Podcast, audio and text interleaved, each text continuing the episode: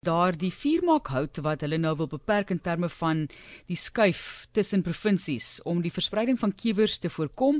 Cape Nature het onlangs die verbied dan nou bekend gemaak. Dit is in effek van 1 April hierdie jaar en uh, jy mag nie meer byvoorbeeld daardie tipe van vuurmaakhout na hulle reservate toeneem nie. Morney Valhammer is saam met ons op die lyn. Hy is 'n kwekery eienaar en projekkoördineerder vir die Nasionale Indringerspesie Forum program. Baie welkom aan jou Morney. Uh, baie goeie, baie, baie middag. Uh, goeiemiddag. baie dankie dat jy met ons gesels môre. Kan jy vir ons net gou 'n idee gee van perspektief hiervan hoe julle daarbey ook inpas as jy kyk na die nasionale indringerspesie forum program? Hoekom is dit vir julle ook belangrik? OK, dis baie belangrik want ons sit met 'n nasionale probleem waar dit kom by indringerspesies en ons praat nou nie net van kewers in hierdie um, geval nie, maar ons praat van plante. Ons het probleme met indringervisse in ons riviere uh dis dis die hele spektrum van spesies wat 'n groot probleem vir ons biodiversiteit in Suid-Afrika is. En hierdie is nie heeltemal 'n nuwe wetgewing of of wat jy weet wat uh, wat ons aanraak nie. Ehm um, dit dit is wetgewing wat in Suid-Afrika lank aankom en wat handel met hoe ons hierdie probleme moet ehm um, hanteer uh, want dit is groot. En hierdie ou kewertjie wat 'n groot probleem ehm um, gaan raak as ons hom nou nie vasvat nie is is redelik nuut in Suid-Afrika. En dit is hoekom die ehm um, natuurbewaring onder andere begin kyk na die verspreiding van vuurmaakhout binne Suid-Afrika. Want dit is 'n kewer wat baie groot probleme in alle sektore kan uh, veroorsaak. Ons praat van landbou, ons praat ook van tuinbou en in munisipaliteite as dit by straatbome kom. So ons is baie op ons hoede vir hierdie ou klewertjie. Waar kom die klewer ingekom het? Môre, waar kom die klewertjie vandaan? OK. Die kewer kom van Suidoos-Asië af. Uh sy sy spesiesname is Eualacea uh, fornicatus en die probleem is daar's omtrent 6000 van hierdie kewertjies in hierdie spesies wêreldwyd ons het selfs van hulle uh, wat wat natuurlik voorkom in Suid-Afrika, maar hierdie spesifieke kewer wat van Suidoos-Asië afkom, is 'n probleem wat dis nie kewer self wat bome doodmaak nie. Hy dra saam met hom 'n spesifieke Fusarium swam.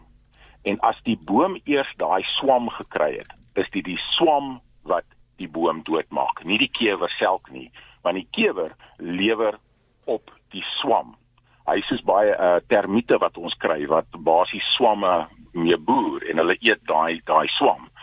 Ehm um, en dit is hoekom dit so belangrik is dat ons begin kyk na die verspreiding van vuurhout en dit beperk soveel as moontlik want dit is een van die grootste vektors van verspreiding van hierdie kewer.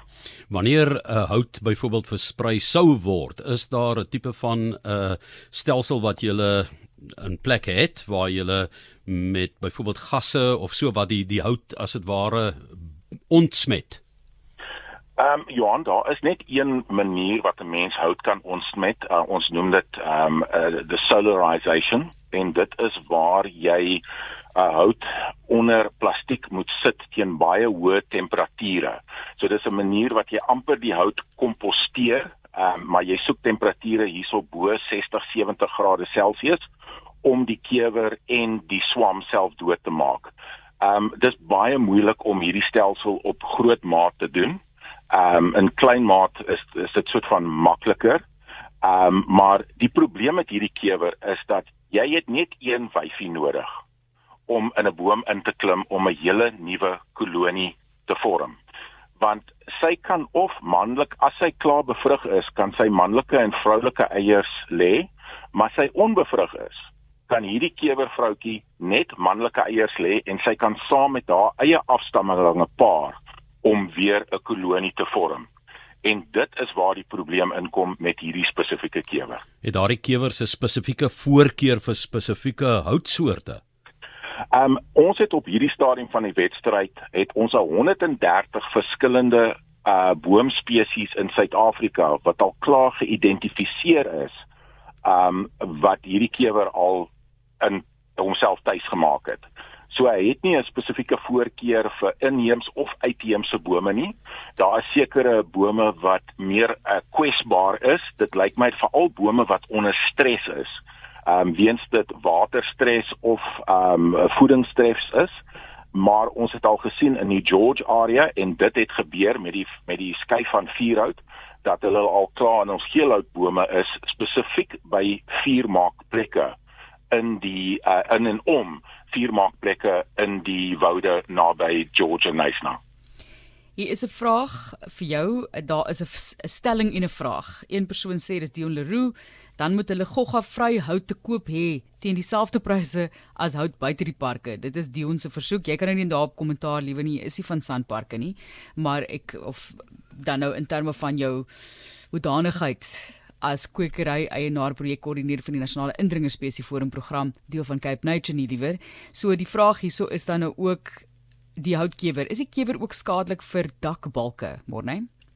Nee, glad nie. Hy lewe glad nie in in hout wat al klaar dood is nie. So, ehm um, dakbalte sal hy nooit ingaan nie. Hy sal homself net in 'n lewende hout ehm um, inwerk. Die probleem is as jy 'n boom dan vat en jy kap hom af en hy sal nog klaar in daai boom en jy versprei dit as brandhout, is daar 'n probleem. So ek as as as 'n ehm 'n tuinboukundige sal definitief sê ehm um, totdat ons hierdie ou kewertjie onder beheer het en ons weet nie hoe ons dit gaan doen nie, is definitief houtskool die manier om vorentoe te gaan dat 'n mens seker is ehm um, dat jy nie die kewer gaan versprei nie. Ek wou juist net of jy gevra daai 60 grade, dit beteken is dis nog nie houtskool noodwendig nie, né? Nee, nee, glad nie. Glad nie, maar dit maak die organisme self dood as jy dit sou onder plastiek sit en jy sou daai temperatuur, maar onthou, die temperatuur moet dan as jy 'n boomstomp het, daai temperatuur moet tot in die binnekant van daai houtstomp weer hy 20 cm moet dan bo 60 grade wees en dit is moeilik om te bereik. So kleiner die die deursnee van die hout, hoe makliker gaan jy daai temperature bereik. Ehm um, maar dit is nogal 'n moeilike proses en hy kom sonder waarborg dat dit altyd gaan werk. Soos ek gesê het, jy het nou net een van daai kewertjies nodig wat wat lewendig daar uitkom en jou probleem begin weer van voor af. Ja, ons braai jolig voort in Suid-Afrika, maar ons sit met twee groot probleme dan is die verspreiding van hout wat dan die probleme, die pla versprei saam met die ander een is die tipe hou die indringer wat hou eerder mee sou wou braai. Ehm uh, maar ek dink nie mense dink dis soos ek en Martie al baie gepraat het oor byvoorbeeld die ehm um, sassie luis, jy weet die rooi luis, rooi data spesie luis vir vis waar mense nogal bewus geraak het van wanneer jy gaan uit eet of wat laat jy kyk na watter vis is op die spyskaart en soms kan nee sê vir iets wat jy voel bedreig is. Ehm um, moet ons in dieselfde rigting beweeg? Ek dink sê jy moet onthou Johan dat hierdie kewer is die die eerste keer in Suid-Afrika in die Natal KwaZulu-Natal area raak gesien in 2017. En wat ons definitief weet van in enige indringer spesies, hoe hoe hoe vinniger jy reageer en hoe vinniger jy die vektors van verspreiding stop, hoe beter kans het jy op die einde van die dag om hom 'n bietjie te tem en onder beheer te bring. Ons weet nie hoe ons dit gaan doen nie, want die probleem is ons het nie uh op hierdie stadium van die wedstryd eintlik 'n antwoord van hoe om hierdie kewertjie dood te maak nie.